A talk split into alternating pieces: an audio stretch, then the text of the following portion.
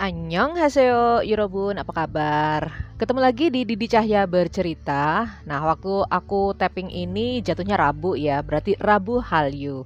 Yang Rabu Hallyu kali ini bebarengan dengan Kartinian. Ya, karena bertepatan dengan tanggal 21 April di mana di Indonesia itu diperingati sebagai Hari Kartini. Nah, apa hubungannya dengan Rabu Hallyu dengan kekoreaan? Mm -mm -mm.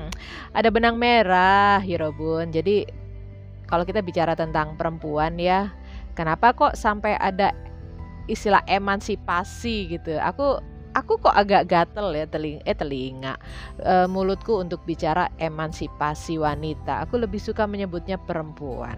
Nah, kenapa sampai ada tuntutan emansipasi perempuan? Karena memang di belahan dunia bagian kita bilang Asia, Indonesia, Afrika itu memang masih banyak diskriminasi terhadap perempuan.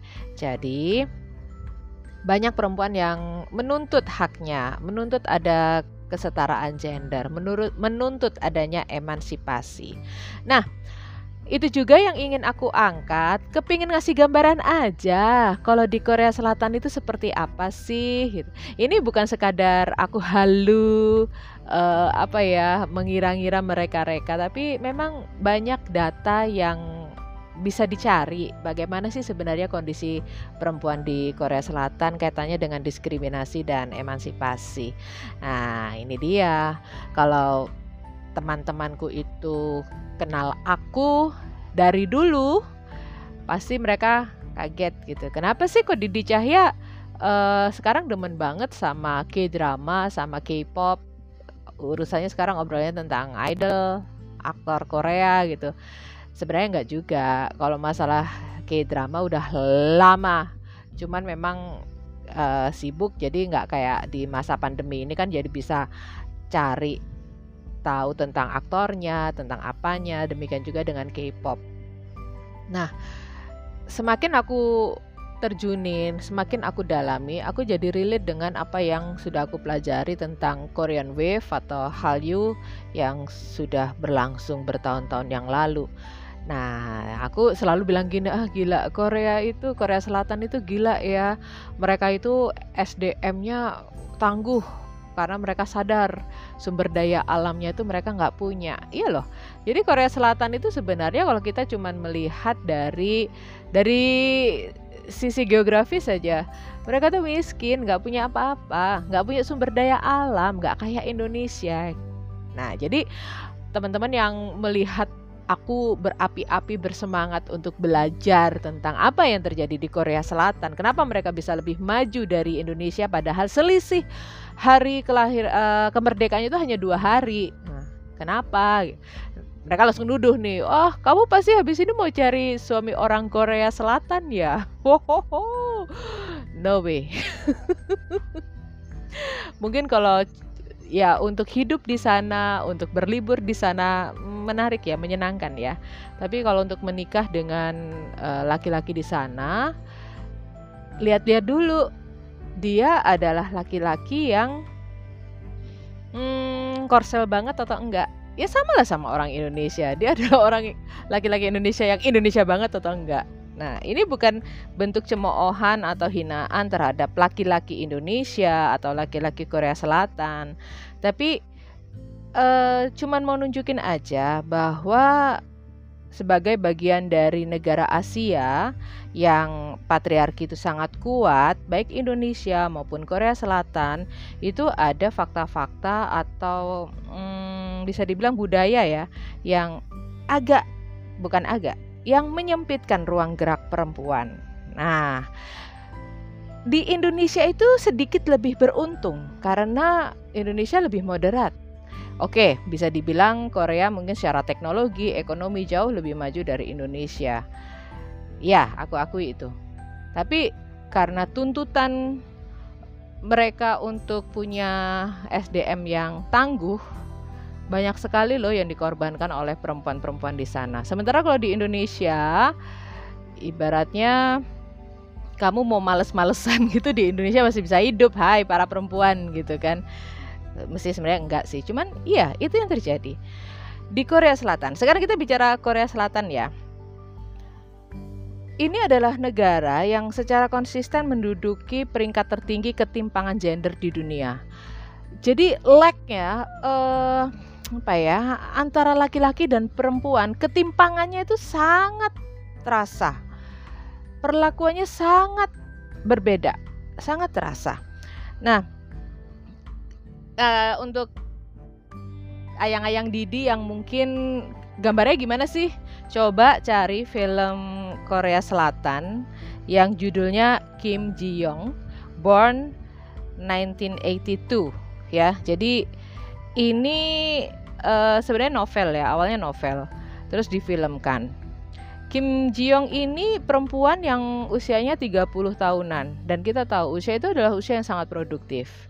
Dia bekerja dengan sangat baik dan ya ya dia pekerja yang baik gitu nggak ada alasan untuk dia berhenti tapi nah dia menikah dia punya anak udah mulai bingung nih persimpangan nih akhirnya dia memutuskan untuk berhenti bekerja untuk merawat anak gitu kan ya nggak beda jauh lah dengan di Indonesia seperti apa nggak nggak nggak nggak beda jauh jadi aku merasa di Indonesia juga gitu. Kalau kita sudah berhenti bekerja, punya anak, itu kadang-kadang kita untung-untungan bisa kembali bekerja. Nah, di film ini digambarkan uh, atasannya memang perempuan gitu, tapi di atas atasannya masih ada atasan lagi yang mayoritas laki-laki.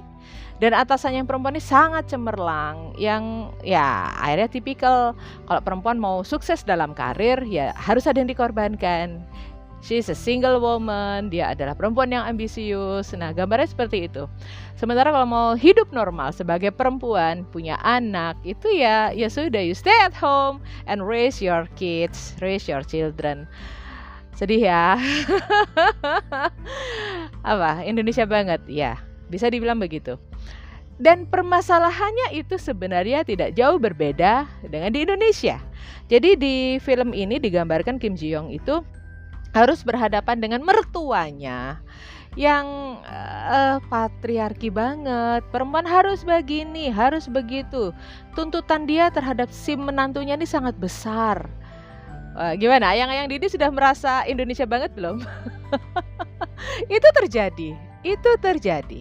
Nah, uh, tapi uh, ya nggak panjang-panjang lah intinya dari cerita ini aku aku agak agak depresi juga nonton film bukan depresi aku agak stres juga nonton film ini karena gemes gitu loh gila ini perempuan cantik pinter mau kerja aja susah banget dia mengalami diskriminasi dan para lelaki di kantornya itu memperlihatkan ya ya melecehkan lah perempuan itu satu objek yang sangat indah untuk dilecehkan oleh para lelaki itu. Itu membuat aku geram gitu kan.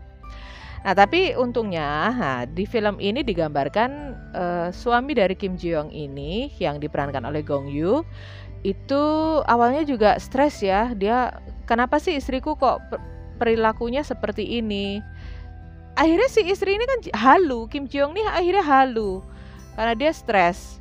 Nah, bagusnya film ini adalah laki-laki di sini adalah laki-laki yang memahami istrinya, yang dia akhirnya mendorong istrinya untuk terapi dan carilah kebahagiaanmu sendiri sampai akhirnya uh, istri ini memutuskan untuk bekerja lagi dan uh, si laki-laki ini mengambil di sana tuh ada yang cuti bisa setahun untuk menjadi bapak rumah tangga. Nah di sana itu ada. Gong Yu mengambil keputusan itu dan ya bener lah langsung keluarga dari pihak laki-laki marah lah dengan kondisi seperti ini. Tapi ini uh, apa ya satu hal film ini seperti menggedor, menggedor. Hei laki-laki, perempuan itu bebannya terlalu banyak. Kamu jangan bebani semuanya itu ke perempuanmu itu. Nah, dan laki-laki di sini dia mengambil keputusan yang tepat dan uh, ibu si Kim Jong ini juga keluarganya juga kaget ternyata anaknya perempuan ini nggak bahagia dan keluarga ini kembali merangkul gitu. Nah, uh, singkat kata singkat cerita novel dan juga film ini sangat diprotes di Korea Selatan karena anti anti patriarki banget dan Gong Yoo adalah salah satu aktor yang memang dia memperjuangkan kesetaraan gender itu. Tidak banyak uh, aktor atau idol yang mengambil sikap seperti itu, tapi uh, Gong Yoo adalah ah itu kenapa aku jadi tambah ngefans sama dia. Dia dia mempunyai sikap untuk mengambil risiko menjadi aktor di film ini.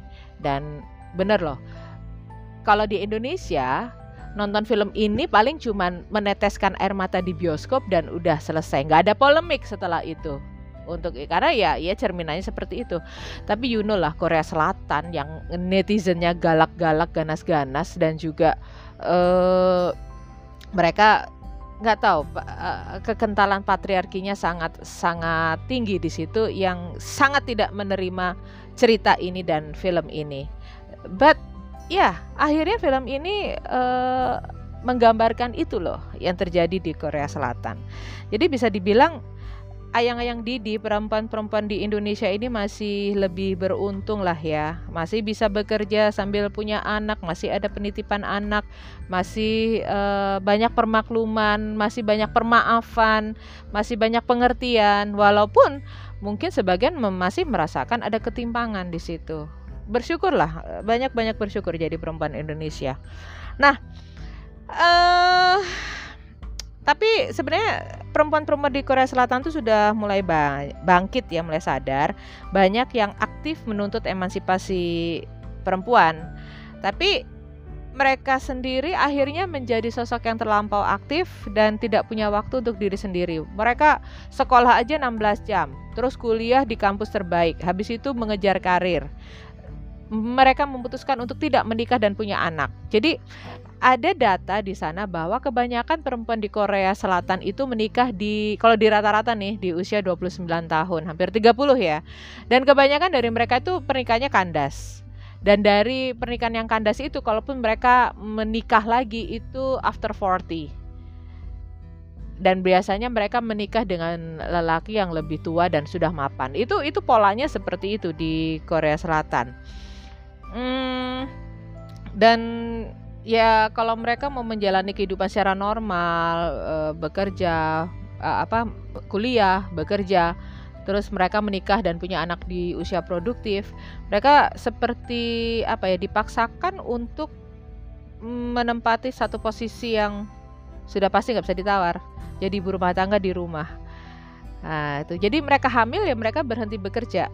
Sedih sih ya, tapi ya ya itu yang terjadi di Korea Selatan. Sebenarnya nggak nggak beda-beda jauh dengan Indonesia, cuman mungkin cara menyikapinya itu yang yang beda. Sekali lagi di Indonesia masih begitu banyak permakluman, permaafan. Sementara kalau di Korea Selatan ini agak agak ngeri juga ini. Nah, jadi eh, sebenarnya kalau kita bicara tentang diskriminasi perempuan selama budaya di negara itu masih didominasi oleh laki-laki atau patriarki, ya perjuangannya masih sangat besar. Korea Selatan pun demikian. Jangan bayangkan kehidupan mereka tuh seperti yang ada di drama Korea. Jujur nih, jujur ya, jujur. Sesuka-sukanya aku dengan drama Korea, Sesuka-sukanya aku dengan adegan ciuman mereka, sebenarnya ada satu hal yang aku benci banget dari drama Korea bahwa mereka tuh nyosor tanpa konsen. Oke, mereka suka sama suka, katakanlah demikian. Tapi bagaimana ya ya kalau suka sama suka terserah deh, eh, nggak nggak diucapin juga ada konsen gitu ya. Tapi untuk drama Korea dan juga drama Cina itu banyak adegan di mana ciuman itu dilakukan tanpa konsen. Jadi uh, apa ya? Seperti perempuan hanya menjadi objek itu nggak suka. Ya kalau perempuannya nyosor duluan gitu ya tanpa konsen juga juga ya oke okay lah ya. Cuman uh, ini adalah satu contoh-contoh buruk dalam hubungan. Menurutku menurutku demikian. Jadi kalian terlalu banyak menjual romantisme sampai lupa bahwa ah aku paling habis ini langsung digempur deh sama ayang-ayang Didi. Ah lu sok konsen Dedi. Lu sok ini ya, ya memang itulah kenyataannya dalam hubungan uh, yang sesungguhnya di real life. Are you sure to do that? Yang yang kita gak ngapa-ngapain tiba-tiba ada laki-laki yang menyukai kita terus dia nyosor aja kayak gitu terus kita terkaget-kaget ya bagus ya romantis di drama sih tapi di kehidupan nyata are you sure to do that perempuan perempuan mau apa ya mau mengeksplorasi dirinya sendiri kok. Ya masih banyak batasan. Tapi itulah uh, Indonesia Korea Selatan yang sama-sama punya uh, basic budaya patriarki itu akhirnya ya ada ada benang merah di situ. Perjuangan kaum perempuan di Indonesia masih panjang. Demikian juga di Korea Selatan. Jadi jangan semata-mata melihat negara itu sudah maju uh, di drama Korea cantik-cantik, dicipok sama laki-laki ganteng-ganteng terus kalian ingin berbondong-bondong pindah ke sana. But uh, one for sure, uh, jangan jadikan konten ini me, me, apa ya, menggiring perempuan untuk menjadi orang yang lupa diri, enggak. Untuk mengembangkan diri itu tidak ada batasan. Kamu bisa mengeksplorasi dirimu, hai para perempuan, selama memang tidak bersinggungan dalam artian tidak bersinggungan dengan hak orang lain. Misalnya menjadi perempuan yang ambisius dalam karir yang akhirnya tendang sana pukul sini itu jangan. Terus juga kalau misalnya yang fisik gitu oh perempuan bisa kok seperti ini ini, ini. nggak apa-apa kalau kamu kuat tapi memang perlu diketahui ada kondisi-kondisi fisik perempuan yang jangan dipaksakan untuk menjadi seperti laki-laki. Ya sudah terbukti beberapa temanku yang mereka bekerja sangat keras uh, ke, sangat keras. Aku jadi ini ya melo ya karena aku mengalami sendiri. Bekerja sangat keras untuk ambisi dia menyamai laki-laki atau bukan ingin menyamai laki-laki tapi memang tuntutan untuk bisa menghidupi diri sendiri, mencari uang sendiri, akhirnya hmm, sakit. Banyak nggak banyak lah, aku nggak berani ngomong banyak. Beberapa orang yang aku kenal, teman-temanku yang mereka bekerja di malam hari dengan cahaya lampu atau penerangan ini ya artificial akhirnya mengalami kanker. Banyak yang survive banyak juga yang berangkat. Jadi perempuan nggak ada kok yang membatasi kamu selain pikiranmu sendiri nah pikiranmu itulah yang bisa memahami dan mengenal dirimu tubuhmu sejauh mana kalian bisa berlari Selama kalian mampu, selama tidak ada yang dikorbankan, berlarilah sekencang-kencangnya. Tapi jangan halu. Ntar kebanyakan nonton drama Korea jadi halu, jadi kepengen uh, apa pindah ke sana jadi perempuan sana. Realistis lah. Perjuangan perempuan di mana pun masih panjang untuk bisa mendapatkan posisi-posisi yang baik dengan kebahagiaan yang patut diperoleh dan dinikmati oleh perempuan. Jangan kecil hati, walaupun orang-orang bilang dunia ini adalah milik laki-laki, tapi perempuan sadarlah, kalian adalah milik diri kalian sendiri. Oke? Mau bilang selamat hari Kartini, kok aku juga masih merasa terkungkung.